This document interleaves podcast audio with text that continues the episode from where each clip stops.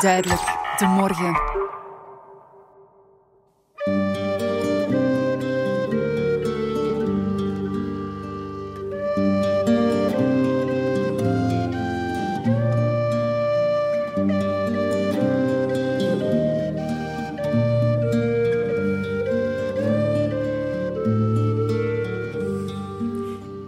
Het is 16 maart 2019. Ik ben op weg naar Melle bij Gent om daar de workshop Rust in je hoofd te volgen bij psychotherapeut Wilfried van Kraan. Het was mijn goede vriendin Sylvie die de cursus had gezien en die me de vraag had gesteld of dat niet iets voor mij zou zijn. Normaal gezien twijfel ik over alles. Ik ben echt een heel slechte beslisser. Maar in dit geval moest ik geen twee keer nadenken. Ja, we gaan dat doen, want rust in mijn hoofd is vaak, om niet te zeggen altijd, ver te zoeken.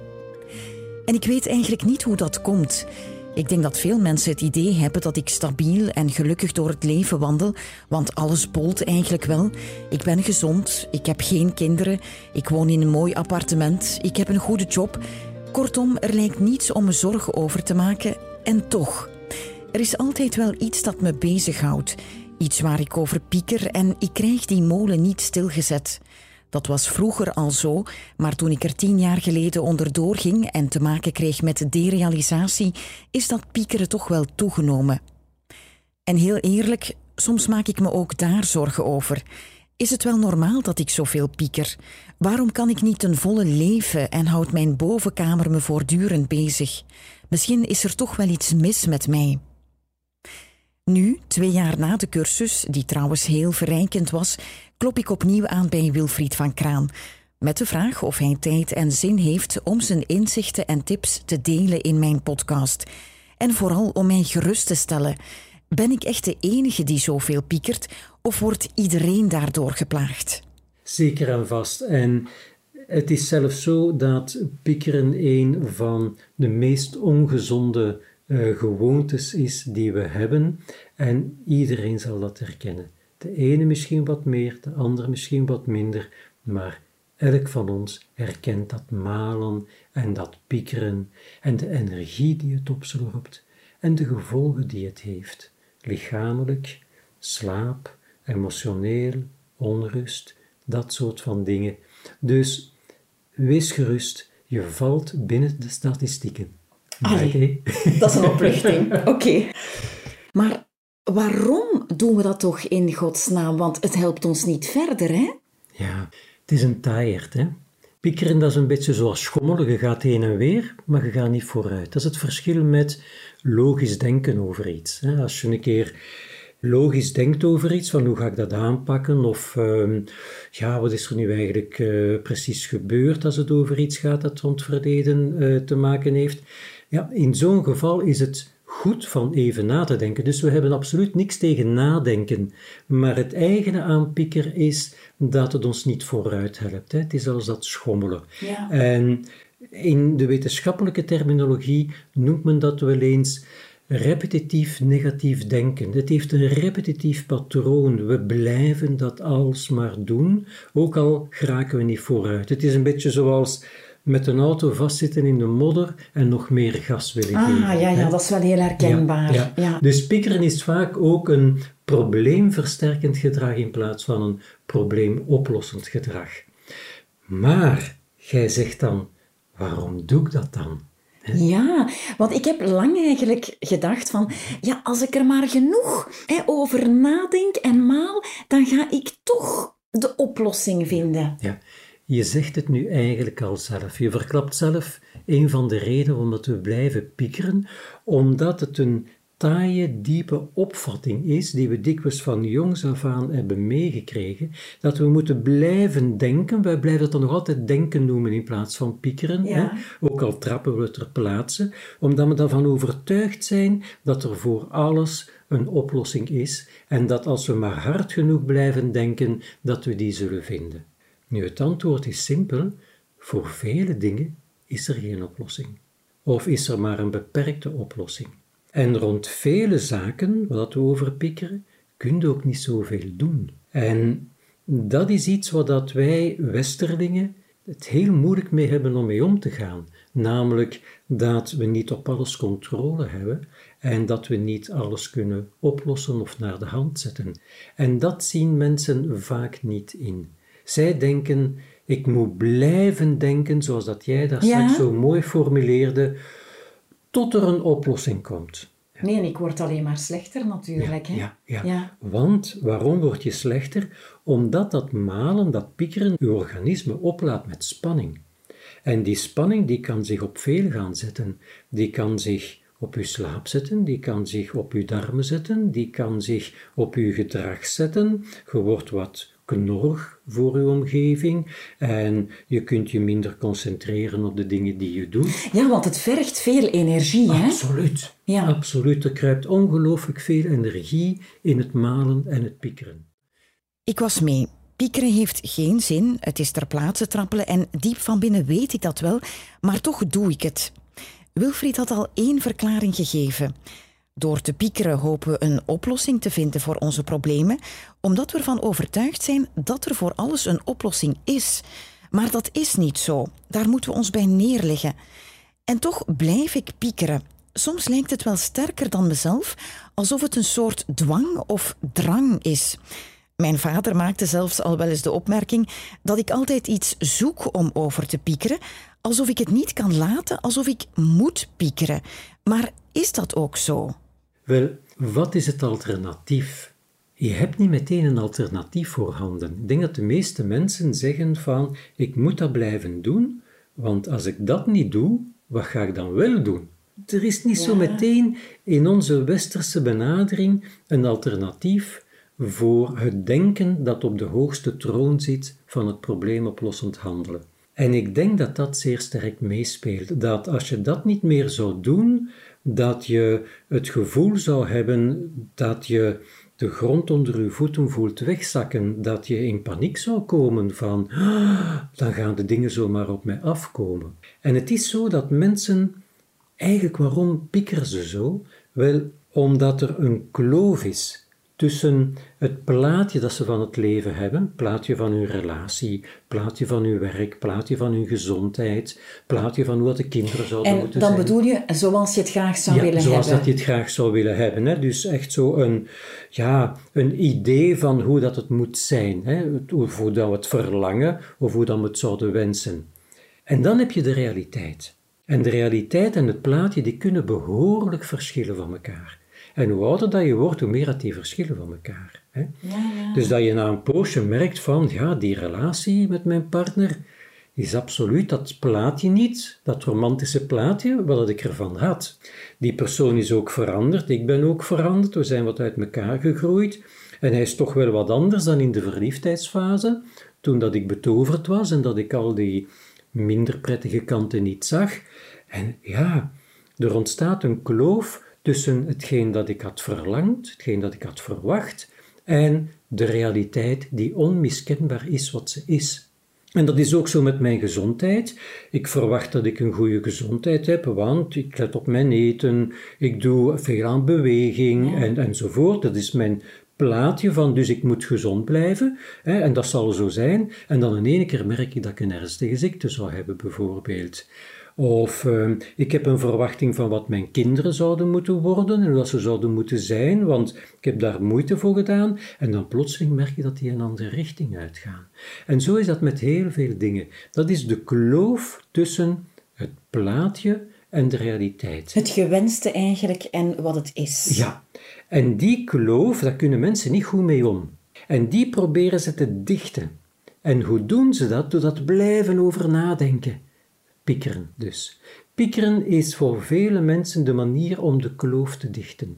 Maar dat lukt natuurlijk niet. Maar dat is wel wat ze voortdurend doen. Ja. Waarom is dat toch zo? Zegt men dan tegen zichzelf. Hè? En waarom moet dit mij overkomen? En al die waarom-vragen proberen te beantwoorden is het dichten van de kloof in de illusie. Want in de realiteit werkt dat niet. Want ik hoor dan eigenlijk twee um, oorzaken. Hè? Dus dat dat gewenste niet overeenkomt met de realiteit. Maar ook een beetje van, goh ja, als we het niet zouden doen, dan doen we precies niks hè, aan het probleem. Dus moeten we precies maar in gang blijven en, en die molen laten draaien. Absoluut. Nu, soms probeer ik ook om mij daar bewust tegen te verzetten. Een, een soort van vechten tegen die piekergedachte. Mhm. Maar dat lijkt ook niet te helpen. Hè? Nee, nee, nee. En dat is wat men bijvoorbeeld in mindfulness, dat gebaseerd is op het boeddhisme, heel belangrijk vindt om ons westerdingen mee te laten kennismaken, dat is dat we heel makkelijk in het verzet gaan tegen de realiteit zoals dat die is. En dat in het verzet gaan daartegen, daartegen gaan vechten, bij wijze van spreken, lijkt in onze ogen westerlingen een positief iets. Niet laten doen, hè? Ja, hè? Zo. ja. Maar als het nu eenmaal is wat het is, en je kan het niet veranderen, dan gaat dat verzet een nutteloze actie zijn die heel veel energie opslorpt, maar meer zelfs, die leidt tot secundaire klachten noemen wij dat. Secundaire klachten zijn dingen die erbij komen. Bijvoorbeeld, als ik nu last heb van mijn maag hè, en ik begin me dat tegen te verzetten, van nu niet, hè, zeg toch niet tijdens dit interview, ik begin me dat tegen te verzetten. Ja, wat gaat er gebeuren? Ik bouw meer spanning op. Mijn maagklachten gaan toenemen omwille van die stress dat ik opbouw. En zo kom ik in een vicieuze cirkel terecht, want hoe meer last ik ga hebben, hoe meer dat ik me ga verzetten. En die vicieuze cirkel die duikt in ontzettend veel dingen op. Bijvoorbeeld, je ligt in je bed, klaar wakker, je vindt dat je al lang in slaap had moeten liggen en je begint je te verzetten tegen het feit dat je nog altijd niet in slaap ligt. Wat denk je dat er gaat gebeuren? Ja, heel herkenbaar. En je gaat nog een hele tijd wakker liggen. Hè? En hoe langer dat je wakker ligt, hoe meer dat je gaat verzetten. En hoe meer dat je gaat verzetten, hoe langer dat je wakker ligt. Dus wat we daar eigenlijk hebben, is het fenomeen van een probleemversterkende probleemoplossing. Als ik nu op dit moment maaglast heb, ja, dan kan ik dat maar beter aanvaarden zoals het is. En aanvaarden, dat is een moeilijk woord. Erkennen is misschien beter. Ik zeg van oké, dat is dan zo. En dan moeten we het maar doen met wat er op dit moment is. Wat maagzuur hebben en misschien wat speekselvloed hebben, dat zou allemaal kunnen, maar dat is dan wat het is. Terwijl als ik me dat tegen ga verzetten, dan krijg ik nog een keer spanning erbij die gaat maken dat ik me nu niet kan concentreren die gaan maken dat ik achteraf daar misschien wat wakker ga van liggen, als dat iets erger zou zijn.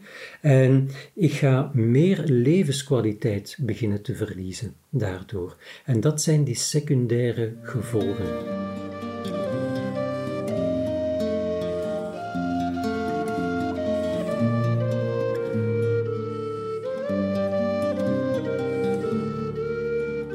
Ik heb veel ervaring met vechten tegen piekergedachten, want ik heb lang gedacht dat dat de oplossing was.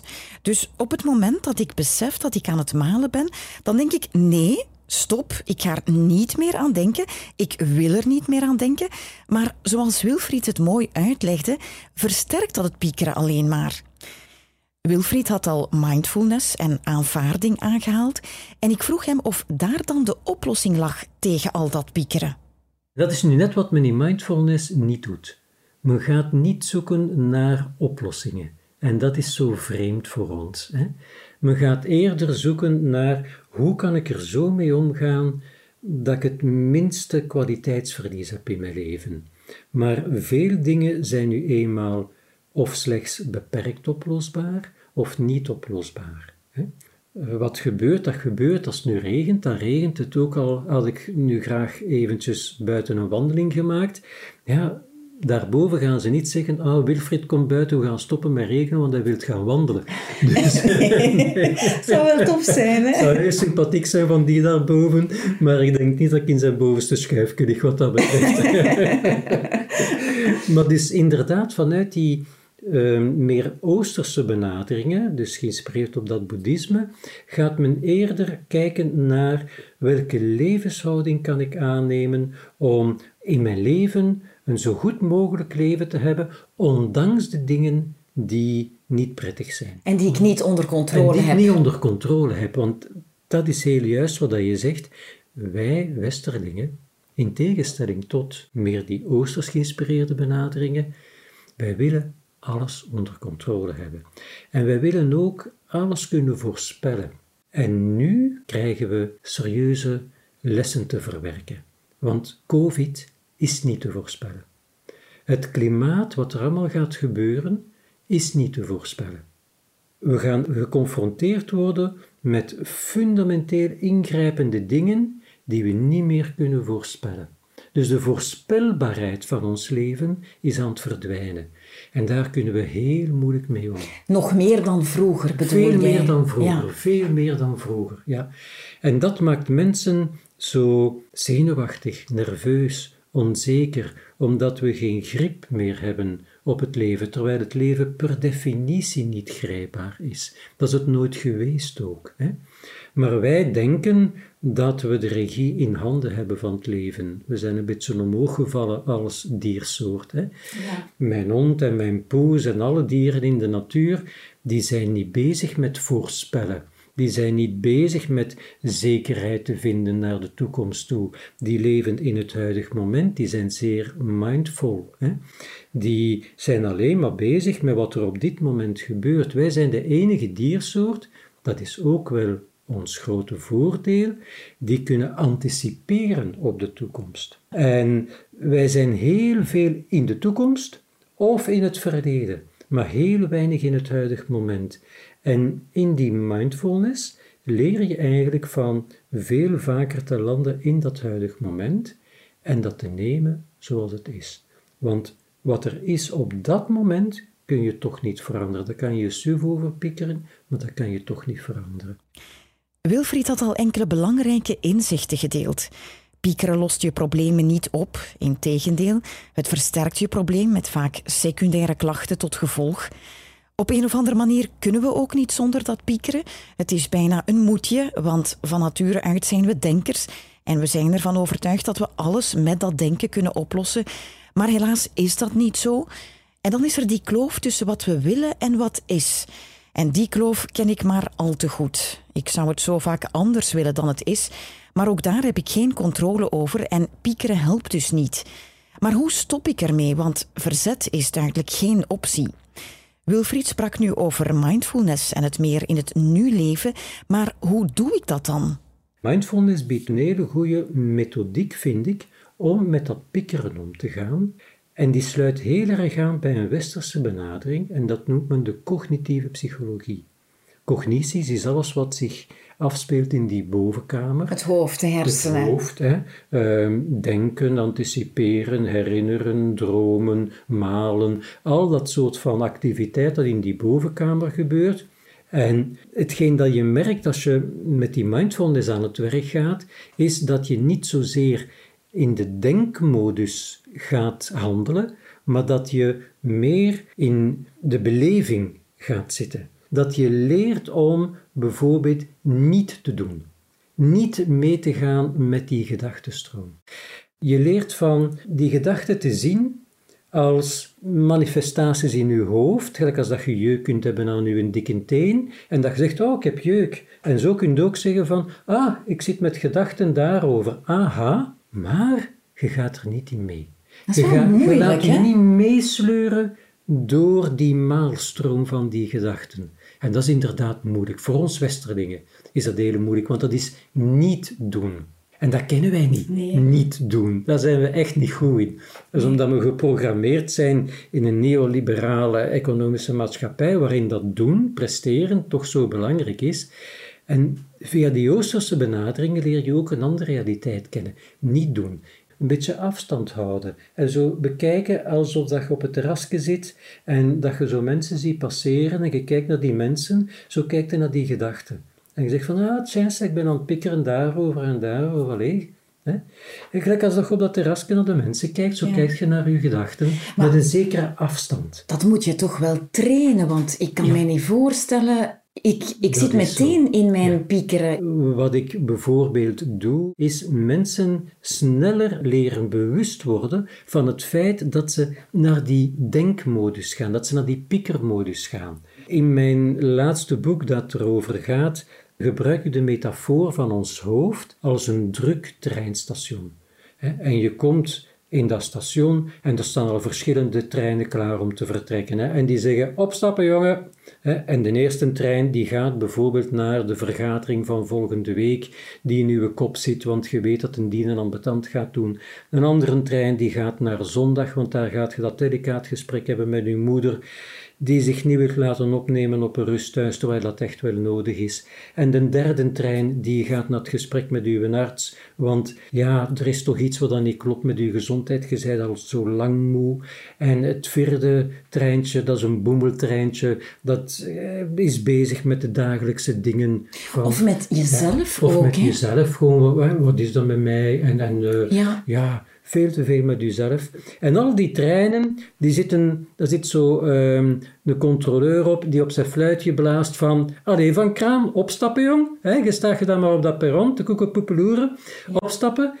En ja, dan heb ik altijd de neiging om automatisch op te stappen in zo'n trein. En die trein die neemt mij mee. Hè.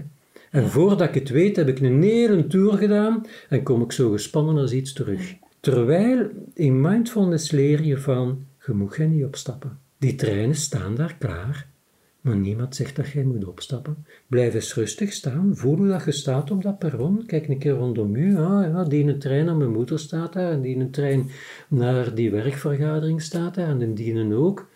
Oké, maar uh, ga niet opstappen, jongens.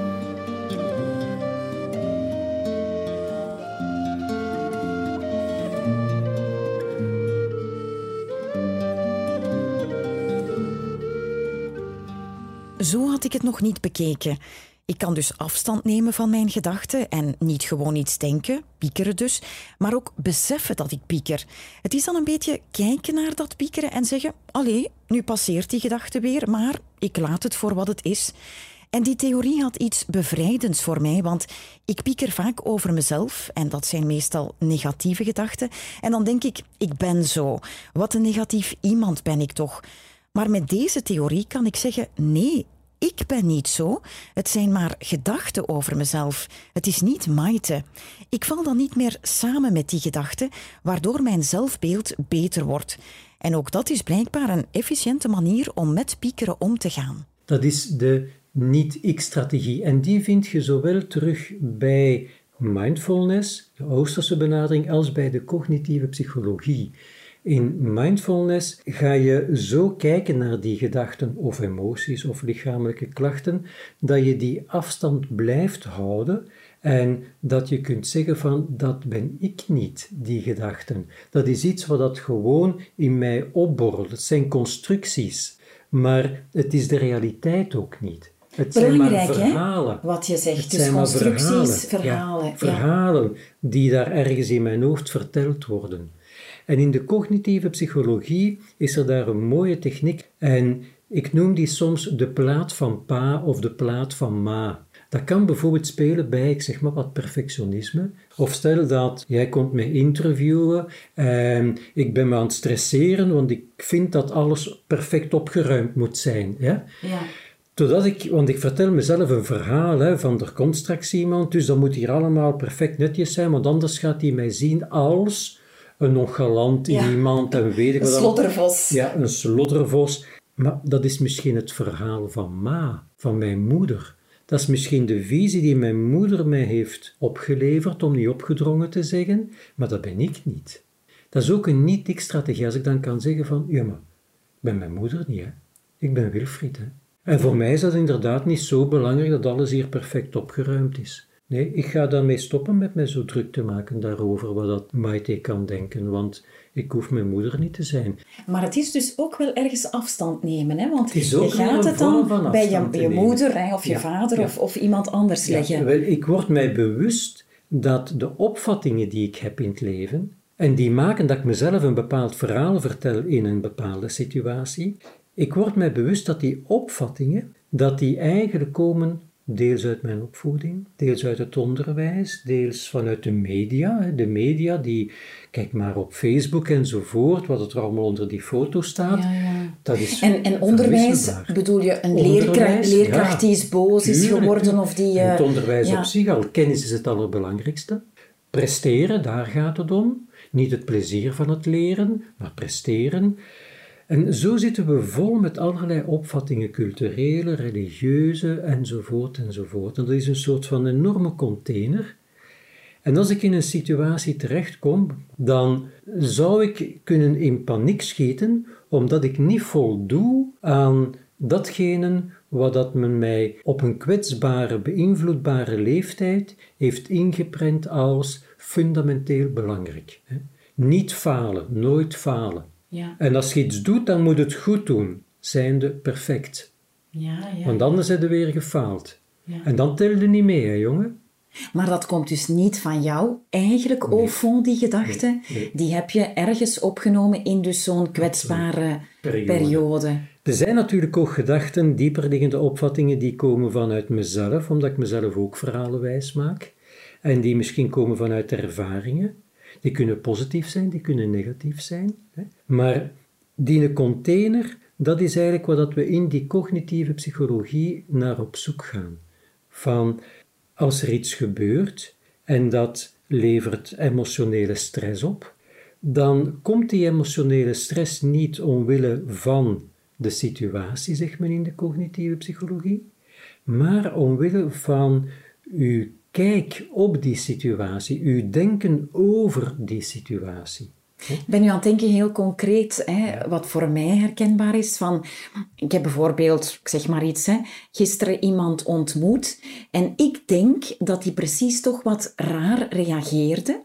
En dan begin ik te denken, oh, die vond mij waarschijnlijk niet zo tof. Mhm. Misschien heeft hij iets tegen mij. Mhm. Misschien heb ik het niet goed gedaan. En ik begin mij heel slecht te voelen. Is dat een beetje... Dat is een typisch voorbeeld. Hè? En stel dat je dan, uh, ik zeg maar wat, hè, je zus of je partner of uh, een goede vriend tegenkomt en die zegt van, uh, je ziet er zo bezorgd uit en je zegt van, ja... En je vertelt dat verhaal, je zegt dan van, ja, dat komt omdat ik daar iemand tegengekomen was en die reageerde zo'n beetje raar, dus ja, het is daardoor dat ik, dat ik nu wat ontstemd ben en wat, wat, wat niet lekker voel. Eh, ik voel me niet lekker in mijn vel. En je gaat de situatie aanduiden als de oorzaak van je niet goed voelen. Terwijl de oorzaak of de mate van je niet goed voelen bepaald wordt door uw perceptie. En mijn verhaal. Uw verhaal dat je zelf vertelt. Hè? over die situatie. Want gaat u zelf ook een ander verhaal kunnen vertellen. Gaat bijvoorbeeld tegen uzelf kunnen zeggen van... Goh, die doet een beetje raar, dat is ook niet zo'n sympathieke. Hè? Ja. Of, oh, die zal wel een slechte dag hebben en dat oh, ligt niet aan mij. Dag, ja, ja. Of, um, oh, die is misschien verstrooid, of die heeft tijdsdruk, hè? die moet dringend door. Of, heel simpel, dat is mijn favoriet, ik weet het niet. Ik weet het niet waarom dat die zo doet. En ik ga ook geen energie steken in dingen die ik niet weet. Oeh, maar dat vind ik moeilijk, want dat is weer die controle loslaten. Hè? Dat, uh, Ik zou dan toch altijd een verklaring zoeken en ze dan bij mezelf waarschijnlijk leggen. Dus ze heeft mij niet graag. Ik voldoe niet. Ja, ja, ja, ja, ja, ja, ja. Dus dat moet ik dan ook loslaten eigenlijk. Um, als je vindt dat je iets te vaak in het leven daardoor te veel emotionele stress hebt, of wat minder slaapt, of wat meer last hebt van je darmen, of ik weet niet wat, en je zegt van, dat mag toch wel eens veranderen, dan zou ik je wel aanraden om eens te kijken of dat je niet een andere perceptie kunt leren innemen tegenover dat soort van situaties. Bijvoorbeeld door je af te vragen van, stel dat de rollen omgekeerd zijn hè, en dat ik wat stiller ben of weinig reageer. Ja, is het dan zo dat de ander meteen negatief gaat reageren op mij? Waarschijnlijk niet. Hè? Ik heb dat nog niet zo gemerkt. Of dat je denkt van, wat vind ik zelf? Vind ik zelf dat ik mij zo onbeholpen of onzeker heb gedragen? Of vind ik zelf dat ik eh, zo onaangenaam was? Nee, ik was niet zo onaangenaam. Of dat je zegt van, so what? Ja, dan laat ik toch even een stilte. Ja, niet iedereen moet jou een leuke vinden, hè? Oh, maar het zou toch tof zijn, hè, Wilfried? ja, nee, maar ik begrijp je wel. Zo formuleer het juist. Het zou een verlangen zijn, maar het moet niet. En van het moment dat je jezelf wijs maakt dat het wel moet, dat iedereen jou aardig moet vinden, dan zitten we in de knoei. Want als het dan niet zo is, dan kom je in een alerte toestand van stress. Terwijl als je zegt van, ik zou het wel graag willen, niet, dat moet zo, maar ik zou het wel graag willen. Dan kan je ook zeggen, ik zou het wel graag willen, maar het is nu precies niet zo. Maar eerlijk gezegd, ik zou erbij voegen, maar ik weet het niet. En daar leren mee omgaan met het feit dat het oké is dat je het niet weet.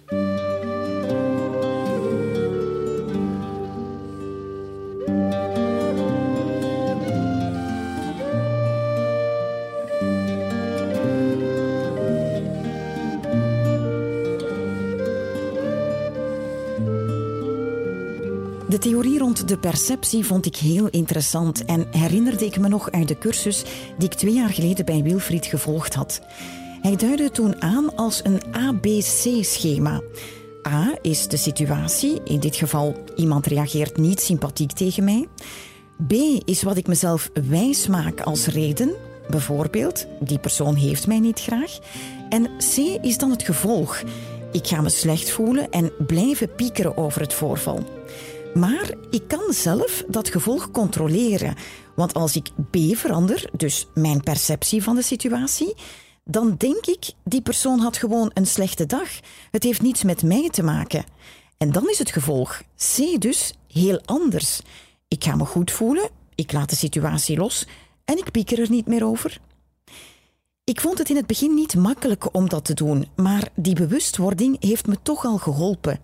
Waar ik wel nog altijd mee worstel is de ik weet het niet houding of de so what houding.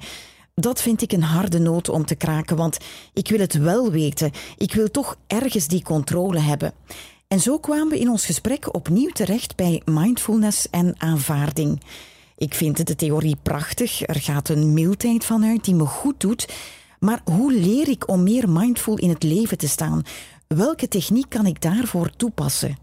Meditatie is een uitstekende manier om anders te leren reageren in je hoofd. Bijvoorbeeld niet meteen mee te gaan met die gedachten, of u te leren betrappen op hoe snel dat je al aan het denken gaat en aan het malen gaat. En daarmee samenvalt. En daarmee samenvalt. En dat is wat dat je merkt tijdens de meditatie zelf.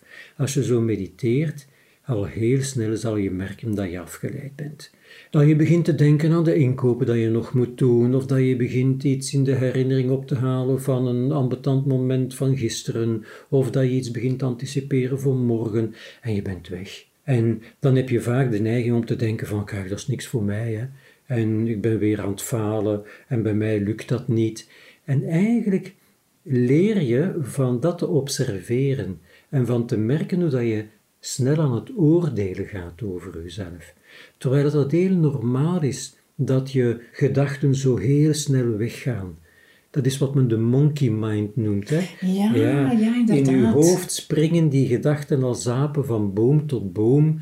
En dat is daar een drukte van je welste. En dat is heel normaal. Dus het is heel normaal dat je in zo'n meditatie absoluut niet rustig bent in je hoofd. En dat het daar heel springerig aan toe gaat. En het is dan vaak heel jammer dat er ook cursussen zijn waarin dat men zegt, ja, dan ben je het niet goed aan het doen.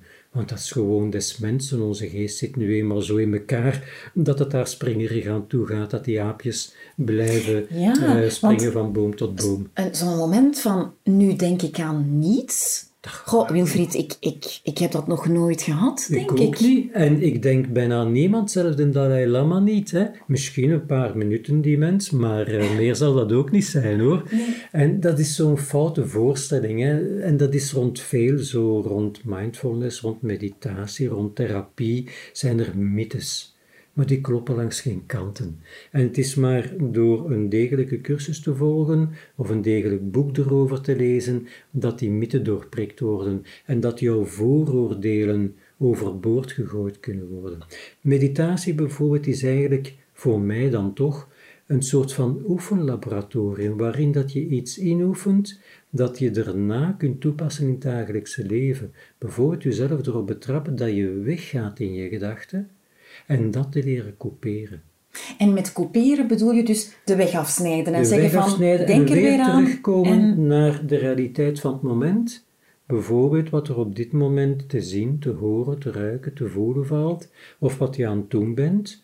Of bijvoorbeeld tijdens de meditatie, als je aan het focussen bent op je ademhaling, terug te keren naar je ademhaling. Dus wat men eigenlijk leert is, dat snel weggaan, dat te onderkennen, dat te herkennen, zodat je in het dagelijks leven niet al soms een kwartier, soms een half uur, terwijl dat je aan het autorijden bent, aan het malen bent. En veel mensen beseffen niet hoe snel dat ze aan het malen zijn in hun hoofd, omdat het een onbewust proces is. Maar onderzoek heeft dat ruimschoots aangetoond dat zelfs als mensen denken dat ze aan het ontspannen zijn, dat ze aan het malen zijn.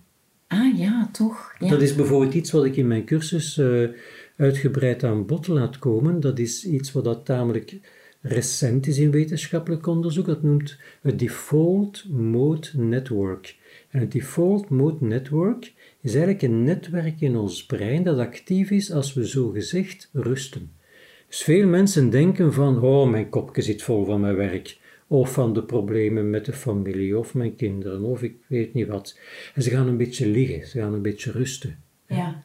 Of ze gaan een wandelingsje maken. En ze denken dat dat hun tot rust gaat brengen.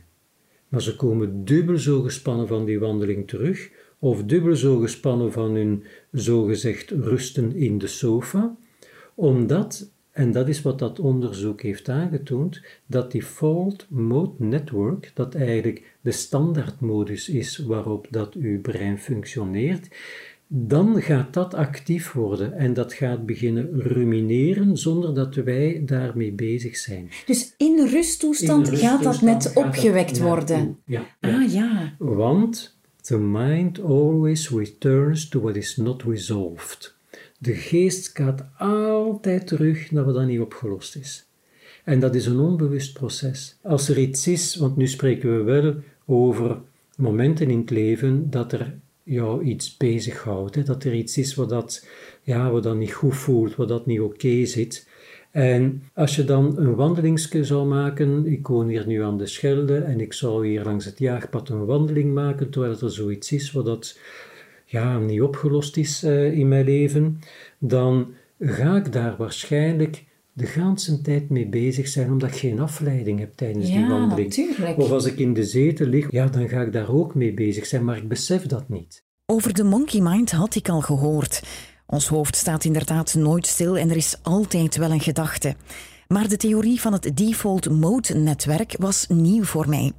We hebben dus een soort van standaard denkroute in ons hoofd waar we altijd op terugvallen als we geen afleiding hebben. In goede periodes kan dat een leuk standaard netwerk zijn. Als je bijvoorbeeld verliefd bent op iemand, ga je in je vrije tijd telkens weer aan die persoon denken en blij zijn. Maar omgekeerd, als je zorgen hebt, ga je op lege momenten altijd weer daar naartoe met je gedachten en dat is dan niet fijn. Ik kreeg al meermaals de tip van ga eens wandelen, leg je even op de zetel, neem wat rust, alsof dat het malen zou stilzetten, maar het heeft dus net het omgekeerde effect, want ons standaard denknetwerk wordt net dan geactiveerd.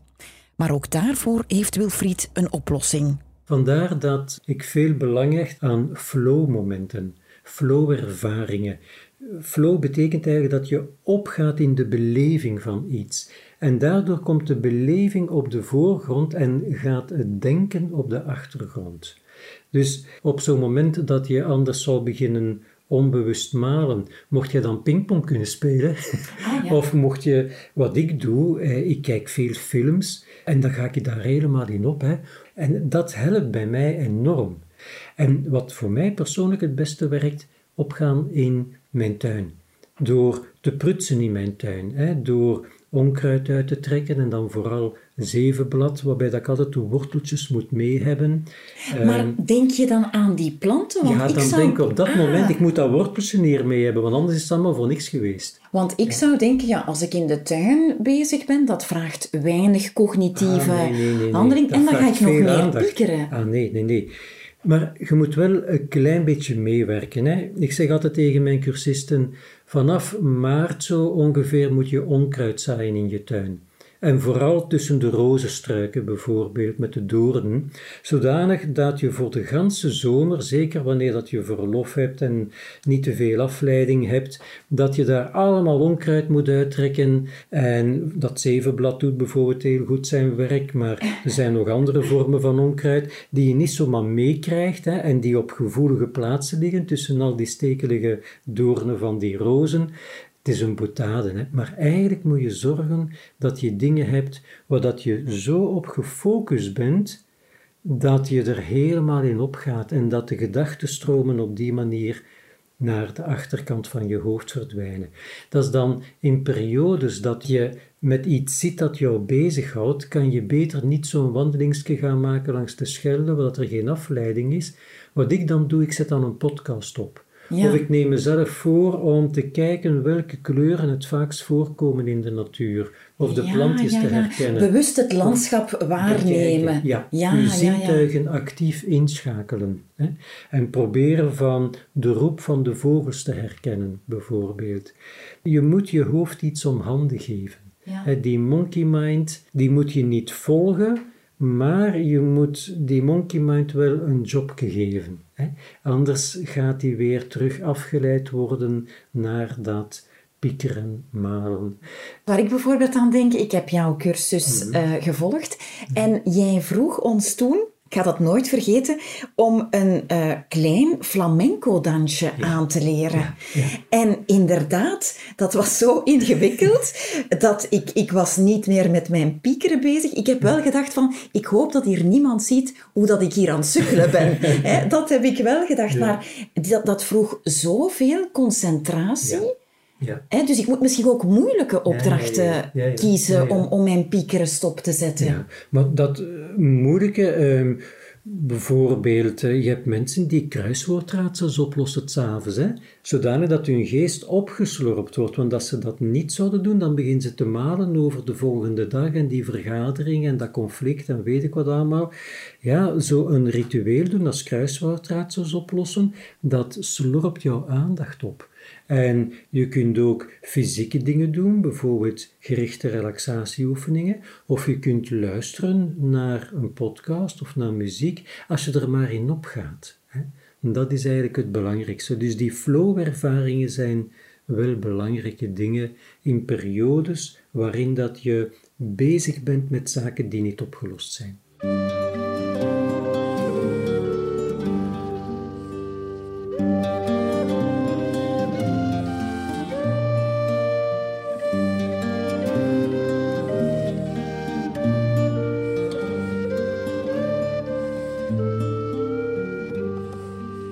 Geloofde absoluut in de theorie van de afleiding en de flow. Als iets mijn aandacht helemaal opslorpt, dan pieker ik niet en dat is een verademing. Maar ook hier was ik een beetje sceptisch, want naar mijn gevoel zijn er gradaties in piekeren. Ik kan bijvoorbeeld veel denken over mezelf, of ik het wel goed doe, of over mijn werk, of ik het wel leuk vind. Maar als morgen mijn moeder plots wordt opgenomen in het ziekenhuis, dan zullen die gedachten plots verdwijnen en zal ik vooral aan de gezondheid van mijn moeder denken en daarover piekeren. Op zo'n levensbelangrijke, zeg maar levensbedreigende momenten gaan flow-momenten me niet helpen, denk ik. En daar kon Wilfried een interessante kanttekening bij maken. Eigenlijk geef je daar een goed voorbeeld van waar dat je zou ophouden met zomaar wat te malen en te piekeren. Want op het moment dat jouw moeder opgenomen is in het ziekenhuis, zit je in een alertheid van wat kan ik hier doen? Hè? En uh, ja, ik kan zorgen dat ze die opvang daarna krijgt en ik ga zorgen dat ze die kleren heeft en ik ga zorgen dat dit gebeurt en ik ga zorgen dat dat. Je komt meteen in een doelmodus ook. Hè? En je moet er zijn voor haar. En eigenlijk heb je die luxe niet meer van zomaar een beetje te gaan naar binnen gericht reisjes te maken in jezelf. Want dat is een van de, ja, als ik het zo mag noemen, van de tips die ik toch probeer altijd mee te geven, is die naar binnen gerichte aandacht voortdurend. Hè. Focus die een keer meer naar buiten. Wees iets minder op jezelf gericht en iets meer op anderen gericht. Bijvoorbeeld door vrijwilligerswerk te doen. Ah, oké. ja. Wij, zijn in het Westen heel gewoon van altijd maar met onszelf bezig te zijn. Maar van het moment dat je bijvoorbeeld meer met anderen bezig bent, dan heb je zoveel voldoening aan. En je aandacht is meer naar buiten gericht. Dus je zit niet met al dat in vraag stellen en dat zoeken naar antwoorden enzovoort. Dus ik vind vrijwilligerswerk iets dat heel veel voldoening geeft, gratificatie geeft. En dan ben je ook bezig. Je bent aan het opgaan in iets. En je geeft de monkey mind werk, maar dan positief, Positief werk. werk, Ja, absoluut, ja. absoluut. En er zijn nog zo'n paar dingen die je kunt doen. Hè. Goed luisteren naar uw lichaam, want uw lichaam verklapt dikwijls al voordat jij het beseft dat je aan het piekeren bent. Door een zekere spanning bijvoorbeeld. Dus het lichaam geeft Het die lichaam signalen. geeft die signalen. En dat leren onderkennen is dan een uitnodiging om sneller die processen in dat hoofd te kunnen couperen. Toen het woord couperen viel, dacht ik meteen terug aan de workshop Rust in je hoofd die ik bij Wilfried had gevolgd, want dat was toen uitgebreid aan bod gekomen. Wilfried combineert eigenlijk voortdurend de technieken van mindfulness met die van de cognitieve psychologie om ons piekeren letterlijk en figuurlijk het hoofd te bieden. Rond mindfulness was al heel wat gezegd, dus vroeg ik wat we nog kunnen meepikken uit de cognitieve psychologie. Wat men in die cognitieve gedragstherapie aanleert, zijn twee soorten van dingen. De maalstroom van die gedachten couperen. Hè? Bijvoorbeeld door een gedachtenstoptechniek, door heel krachtig in jezelf te zeggen stop. Maar zou dat werken? Ja, maar daar wordt dikwijls een fout tegen gemaakt. Men leert het vaak aan alsof dat men stop moet denken. Maar die gedachte stop, die kan niet op tegen die piekergedachte. Je moet dat echt heel krachtig zeggen. Ik leer de mensen dat te zeggen terwijl dat ze met hun vuist op tafel slaan. Ah, en met doen. diezelfde kracht is doen. Het is doen weer, het is Ah, niet ja, denken. ja. En met diezelfde kracht zeg je ook in jezelf van stop. Maar na vijf minuten is dat opnieuw. Hè? Maar dan zeg je weer stop. En iets wat dat opkomt en altijd een map krijgt, ja, op den duur vindt dat het niet meer leuk om op te komen. Je hoofd. straft je Je gedachten. straft het iedere keer af. En dan heeft dat zoiets van, ga ermee ophouden, want ze krijgen iedere keer een map. Hè? Ja, ja, Ehm, ja. Dus in plaats van het te bekrachtigen, door het al die aandacht te geven, jouw piekergedachten, ga je het tegendeel doen. Je gaat het afstraffen door een map te geven. Maar dus letterlijk, want ik ging bijna zeggen, ah, maar Wilfried, dat doe ik, hè, dat stop zeggen. Ja. Maar ik zeg dat in mijn hoofd en er gebeurt Ja, niks. nee, nee, ik nee, moet dus heel echt... eh, krachtig doen. ja, en ja. echt, als je alleen bent, echt het kunnen uitroepen en op tafel kloppen. En na een tijdje leer je dat op dezelfde krachtige manier te doen, zonder geluid, zonder beweging, maar van binnenuit. hè. Ja. Maar in het begin komt het altijd weer terug, maar na een tijdje deint het uit. Omdat je ook stopt met het te bekrachtigen. Je stopt met ermee samen te vallen. Je neemt afstand en je geeft het een map. Wat dan ook de Oosterse benadering eigenlijk En was. dan Hè? sluiten we weer aan aan die Oosterse benadering. Die twee die raken elkaar zo dat ze soms in elkaar wat overvloeien. Maar er is toch ook een verschil. Vanuit de cognitieve psychologie gaat men, dat is eigenlijk de voornaamste taak van die cognitieve benadering, ook leren anders kijken naar de dingen. Zodanig dat je ook in je hoofd, maar ook in je lichaam en emotioneel meer rust vindt, omdat je de zaak anders kunt benaderen, omdat je andere verhalen aan jezelf vertelt. Als deze opname zou mislukt zijn en wij zouden onszelf vertellen van dit is een ramp, dit is verschrikkelijk. Hoe slecht zijn wij nu toch? Ja. hebben wij nu weer gefaald? Ja. Ehm, en je ligt er van de nacht nog over te piekeren in jouw bed en je raakt daardoor moeilijk in slaap. Morgen Ja, ben je dan moe, ja, ga je nog dan meer kan je piekeren. concentreren Ja. enzovoort. We zijn er dan bezig een olifant van aan het maken. Hè? Het is ook geen mug, maar we zouden er ook anders kunnen naar kijken. We zouden ook kunnen zeggen van oké, dit is pech. We leren daar een lesje uit. De volgende keer gaan we dat heel goed checken. Hè, dat we het juiste knopje hebben ingedrukt. En we gaan nu besluiten van dat nog eens op te nemen. Het is nog fris in het geheugen. Misschien kunnen we dat morgen doen. We zien wel, maar we hebben ons lesje geleerd. Da- daar hoor ik dan ook wat het relativeren in als oplossing. hè? Ja, ja, omdat dat beter is voor je gezondheid. Hè. Als je je kas opvreet rond zo'n dingen, de enige die daar last van heeft, is je kas. In uw omgeving. ja, dat is mooi gezegd. Ja, nee, dat klopt. Dat klopt inderdaad. En ook uw slaap natuurlijk. Hè. Heel veel mensen hebben uh, slaapmoeilijkheden. Dat komt ontzettend veel voor. En dat komt vaak omdat we dat hoofd niet kunnen laten stilvallen. Ja. Maar er zijn ook nog andere redenen voor. En Misschien wordt dat ook wel eens een onderwerp voor. Ik weet niet hoe dat zit met jouw slaap, of dat jij dat kent. Wat verwacht je, uh, Wilfried? Hè? Wat verwacht je? Ik ga het jou zelf vertellen. Ik ga niet ehm, oordelen. Nee, dat is zeer herkenbaar. Hè? Omdat in, in de voorgaande afleveringen is duidelijk geworden dat ik eigenlijk ja, moeilijkheden heb gekregen door uitputting.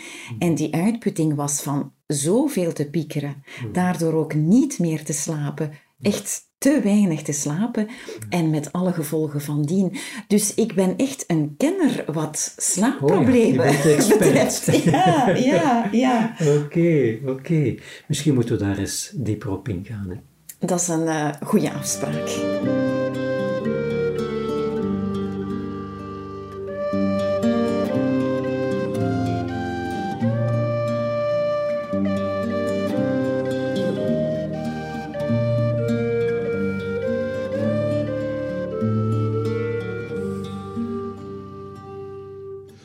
En zo stond meteen het onderwerp van onze volgende podcast vast: slaapproblemen en wat je eraan kan doen, want piekeren leidt heel vaak tot slaapproblemen en omgekeerd.